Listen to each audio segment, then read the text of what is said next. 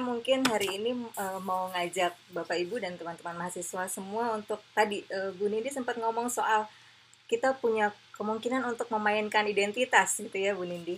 Nah mungkin hari ini saya mau ngajak Anda untuk main-main itu, menemukan identitas mana yang mau kita mainkan di media digital. Maka uh, presentasi saya sore ini judulnya Siapa Saya di layar digital kita lihat kayak apa. Uh, saya nggak perlu bahas ini karena tadi Bu Nindi udah ngomong banyak soal ini. Nah, saya mau uh, ngajak Bapak Ibu dan semua peserta seminar untuk ini. Mungkin sudah pernah dengar soal tagline ya. Uh, tagline itu apa? Tagline itu ya sederhananya sebaris kalimat uh, yang uh, apa? menjadi ciri gitu atau identitas, jadi pengingat suatu produk, benda, uh, apa? Uh, uh, company dan sebagainya teh botol sosro misalnya. Uh, Bapak Ibu tahu apa tagline-nya teh botol sosro? Tahu lah ya, apa pun makanannya, minumnya, teh botol sosro. Kalau kita ngelihat Denko, ada yang ingat apa tagline-nya? ada yang ingat? Dan kau suka Denko. Ah iya betul Mbak Ratna. Aku dan kau suka Denko. Ini tagline-nya. Pegadaian. Nggak ada yang mau jawab takut ketahuan suka kepegadaian kali ya. Tahu Bu. Apa Bu Nindi? Menyelesaikan masalah tanpa masalah. Iya betul. Atau salah? Masalah. betul, mengatasi masalah tanpa masalah. Meskipun sebenarnya bermasalah juga habis itu, habis ngutang ada bunganya ya. Uh, nah itu tagline Nah, pertanyaan saya sekarang untuk Anda semua, kalau saya, kalau Anda, apa tagline Anda? Atau sederhananya gini deh, kalau saya nanya gitu ya ke Bapak Ibu, ke teman-teman mahasiswa, kamu tuh siapa sih? gitu. Satu kalimat aja yang menjawab pertanyaan itu apa? Saya ngasih waktu untuk Bapak Ibu dan teman-teman mahasiswa 30 detik kalau di depannya ada kertas, boleh tulis di kertas tagline-nya saya. Saya tuh siapa dalam satu kalimat. Boleh di kertas tunjukin ke saya. Uh, kalau nggak ada kertas ya mungkin diingat-ingat jawabannya. Siapa tahu nanti saya panggil untuk saya untuk jawab. 30 detik saya akan hitung dalam hati. Silahkan dari sekarang.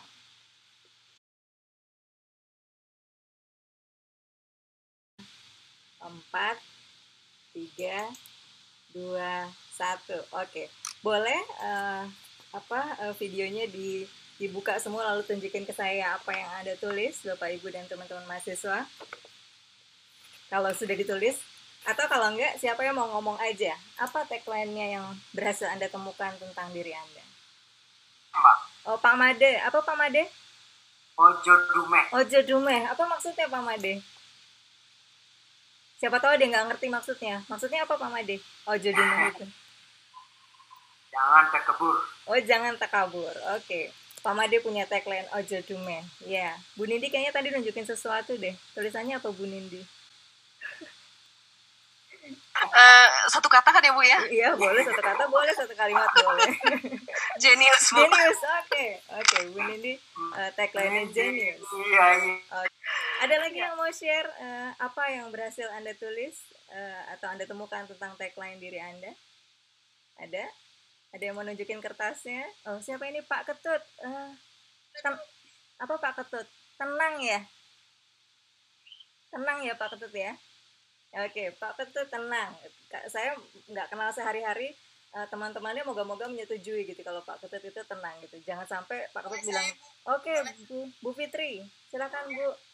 Uh, rame gawe rame Ra, ra, artinya apa bu? Uh, jadi kita melakukan sesuatu, okay. lakukan saja tanpa memikirkan apa yang akan kita. Oke, oh, oke. Okay.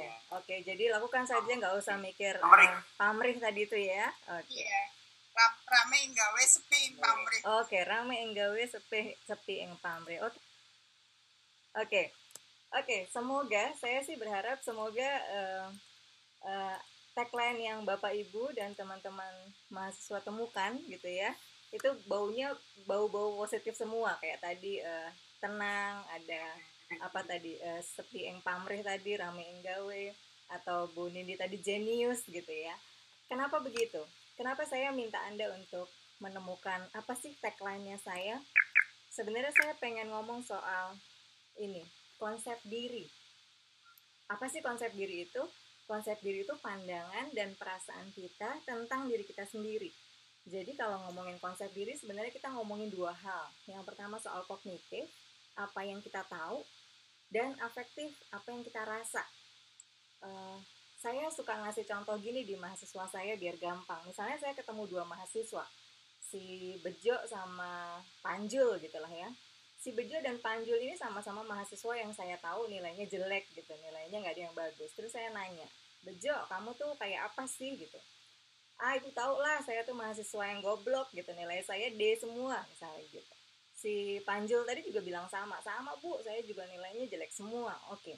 Nah pertanyaan berikutnya untuk tahu soal konsep diri maka saya nanya terus kamu gimana? Gitu.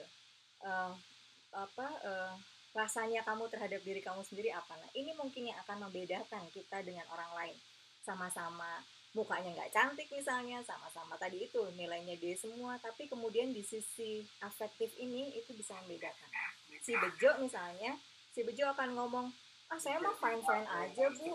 Justru saya punya banyak teman.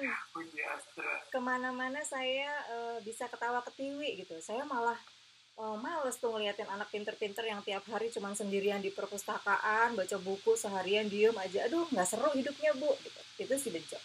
Ketika saya nanya Panjul uh, apa yang dia rasa tentang dirinya Panjul bilang saya mah malu bu jadi anak goblok saya malu kalau di kelas nggak bisa jawab ditanya dosen gitu dan sebagainya nah kita bisa melihat bahwa dua orang ini secara kognitif sama sama-sama tahu nilainya jelek, dia nggak bagus di pelajaran, tetapi secara afektif mereka punya perasaan yang berbeda terhadap dirinya sendiri. Panjul malu gitu, nggak suka, nggak oke okay dengan kondisinya. Si Bejo fine fine aja, dia malah merasa seru hidupnya gitu karena teman-temannya bisa ketawa ketiwi sama dia, nggak seperti yang menurut dia anak pinter tiap hari cuma sendirian di perpustakaan gitu. Nah, dengan konsep diri yang berbeda, kita akan bisa membayangkan bahwa sehari-harinya mereka juga pasti akan berbeda. Si Bejo pastilah jadi orang yang ceria, pede gitu, temannya banyak.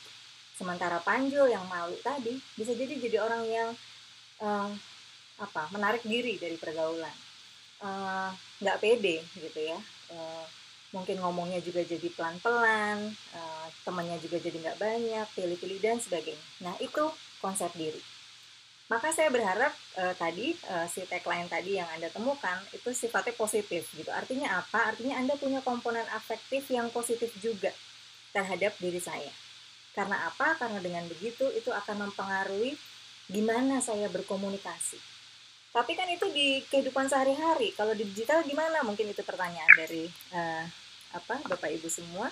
Kita akan melihat apakah konsep diri ngefek nggak sih kelihatan nggak sih di digital gitu ya ini misalnya saya men-screenshot gitu ya salah satu status ini screenshotnya gitu uh, nikmatnya liburan nggak ada janda kampret dan cebong yang ngintip dan nguping hidup gue gitu uh, uh, ya ini cuma satu gitu ya. Tapi bayangkan kalau anda jadi temannya uh, sehingga anda tahu ada apa aja di media sosial dia dan tiap hari ada kata si janda kampret dan cebong itu tadi gitu. Uh, atau kata-kata lain lah yang isinya sumpah serapah uh, apa marah-marah maki-makian ke orang lain dan sebagainya. Nah kita yang di luar dia pastilah kemudian bisa sedikit gitu ya mengenal atau membaca oh ini orang kayak apa bayangkan kalau itu anda gitu ya artinya anda pun bisa dilihat oleh orang lain meskipun dia nggak kenal gitu misalnya gitu ya tapi dengan kata-kata yang kita ucapkan di media sosial seperti ini, orang jadi tahu, orang jadi lihat gitu. Uh, dan semua ini dasarnya apa? Konsep diri tadi. Konsep diri itu akan mempengaruhi cara kita berkomunikasi, bersikap, dan sebagainya. Termasuk ini, menyetatus gitu ya di media sosial pasti akan ada hubungannya dengan konsep diri tadi. Saya juga tunjukin ini. Uh, media sosial yang isinya cuman apa itu? Apalah ini ya uh, galau gitu ya kegalauan ketidakjelasan dan sebagainya ini. Uh, itu juga akan membuat anda terbaca gitu oleh orang lain siapa anda. Ini kan bentuk komunikasi juga gitu. Anda sedang mengkomunikasikan diri anda saya tuh siapa gitu. Nah dengan dengan status-status yang anda buat anda sedang mengkomunikasikan diri anda. Nah ini yang yang perlu kita sadari gitu ya kita perlu aware bahwa uh, apa yang kita keluarkan sebagai sebenarnya cuma status gitu iseng-iseng aja. Tapi itu sebenarnya bisa seolah seperti membuka gitu ya membuka diri anda. Orang bisa jadi tahu oh dia tuh kayak gitu gitu. Atau ini ada status isinya tidur lagi. Nggak lama status lagi bangun lagi. Nggak lama status lagi tidur lagi.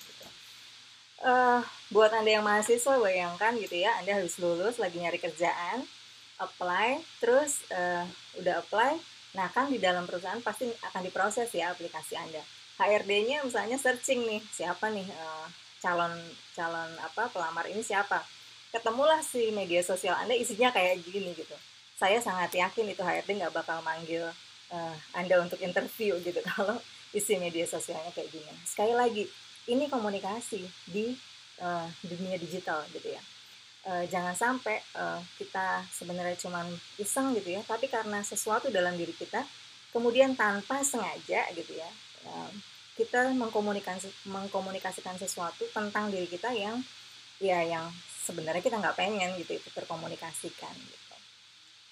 Atau ini uh, apa kita mungkin sering lihat juga gitu ya status-status yang senangnya kayaknya nggak pamer sih gitu. Tapi kalau dibaca beneran aduh ini sebenarnya pengen cerita apa gitu? Pengen cerita capek seharian di kantor apa mau cerita mobilnya tiga kolam renangnya gede gitu kan? Jadi uh, hal-hal semacam ini akan jadi bentuk komunikasi yang uh, di dunia digital yang membuat kita dikenal orang gitu sebagai orang yang seperti apa gitu. Nah, gimana kalau anda gitu? Kayak apa media sosialnya Anda? Gimana komunikasi Anda di dunia digital? Mungkin mulai sekarang cek-cek lagi. Aduh, saya pernah status apa nih di IG, di Facebook dan sebagainya perlu dicek-cek lagi gitu ya. Nah, sekarang saya pengen ngomong ini. Jadi tadi kan ngomongin konsep diri nih sebagai landasan, sebagai dasar dari semua bentuk komunikasi kita, entah di dunia digital atau secara offline gitu. Uh, ada banyak hal yang mempengaruhi konsep diri.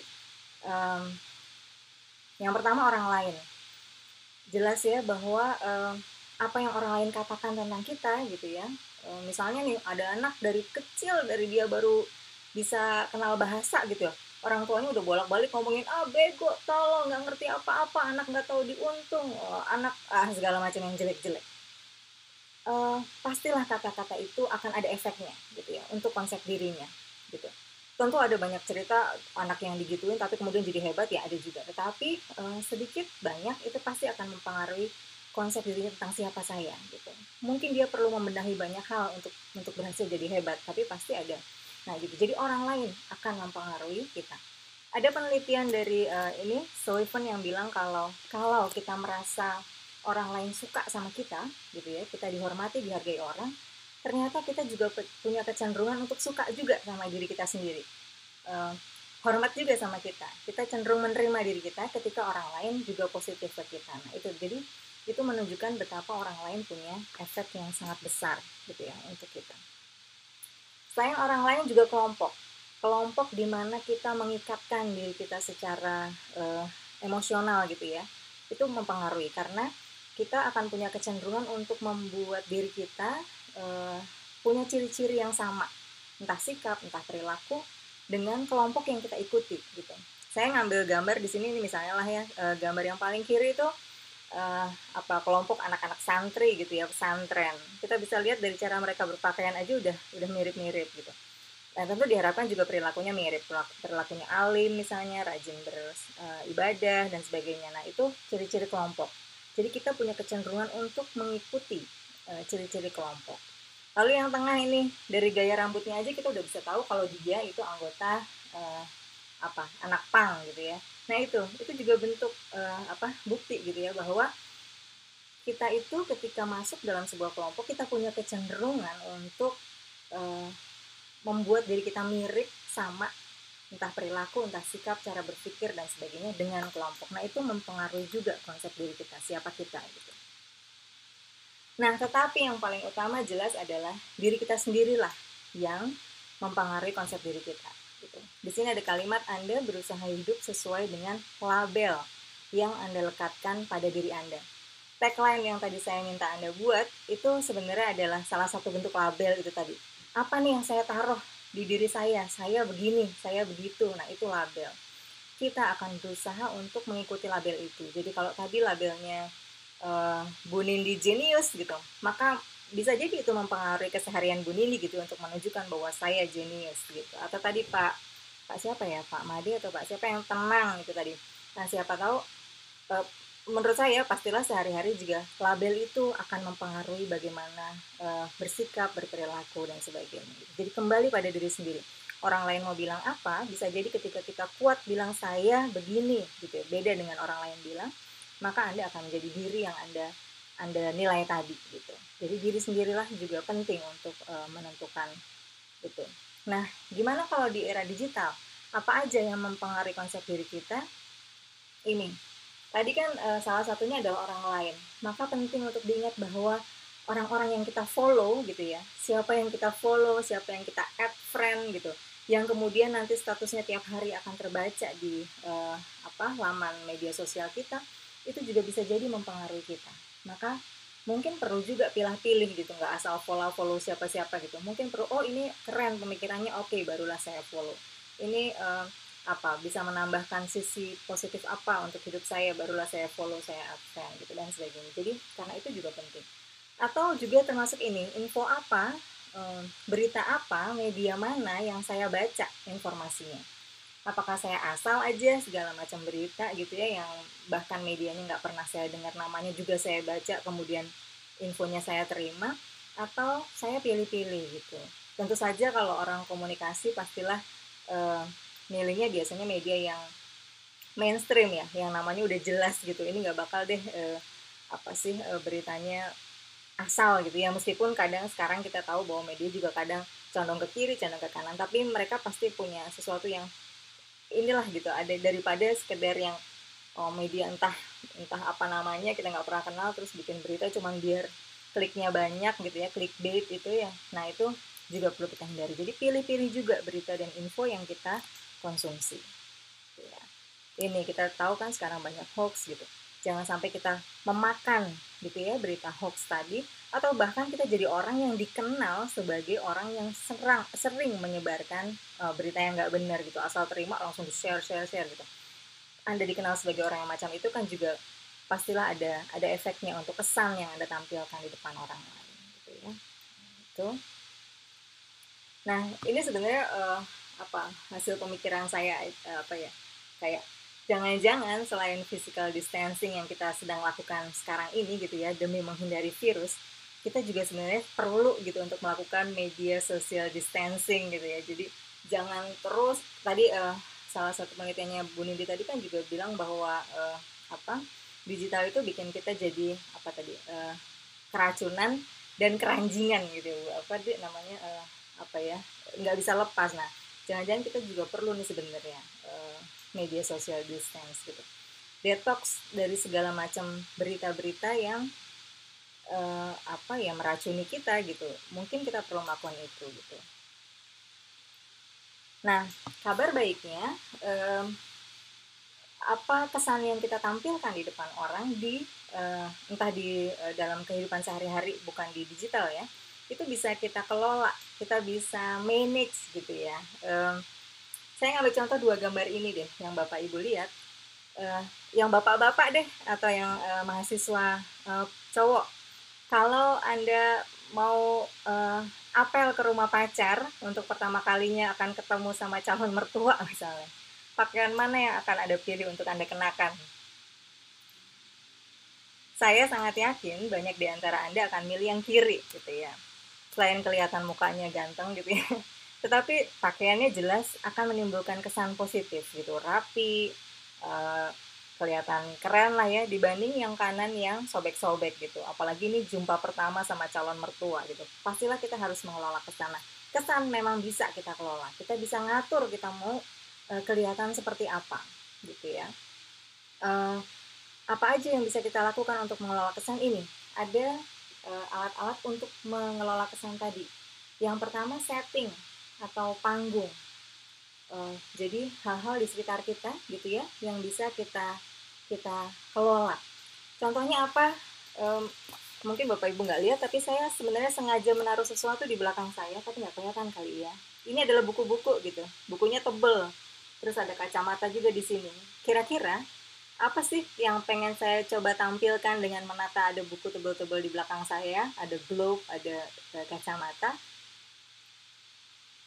Iya, uh, mungkin Bapak Ibu tahu dan uh, teman-teman mahasiswa buku tebal gitu ya, tentu saya bermaksud untuk uh, dengan begitu saya dinilai orang pinter gitu bacaannya buku tebal-tebal meskipun cuma pajangan sebenarnya gitu ya.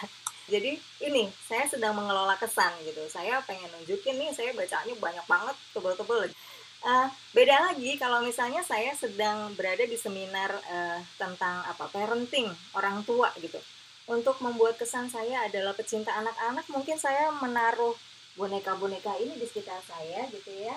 Atau mainan-mainan anak atau apalah gitu. Biar saya kelihatan oh nih ibu emang uh, ini pecinta anak gitu. Kayak gitu. Atau kalau saya pengen kelihatan saya banyak prestasinya saya taruhlah semua piala-piala saya di belakang. Ini piala anak saya bukan punya saya. Jadi saya uh, apa uh, nggak nggak bakal taruh di belakang saya karena bukan punya saya jadi gitu itu cara kita mengelola kesan gitu ya. Kita bisa gitu setting panggung uh, ruang. Kalau dalam kehidupan sehari ya mungkin ruang tamu kita kita tata ada apalah hiasan apanya misalnya untuk menunjukin kita sering keluar negeri ada banyak uh, apa foto-foto kita di luar negeri gitu ya. Ada apa sih uh, souvenir-souvenir dari mana-mana. Nah itu panggung namanya. Appearance penampilan. Apa yang kita pakai?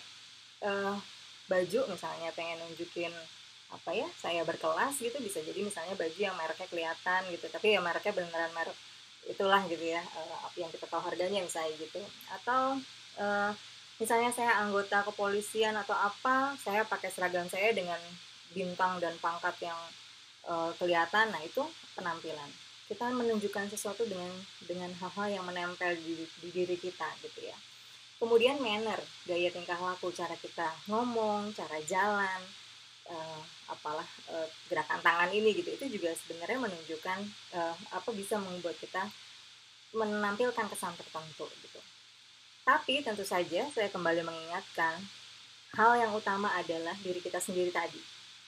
Uh, konsep diri yang kita punya dulu itu yang penting gitu.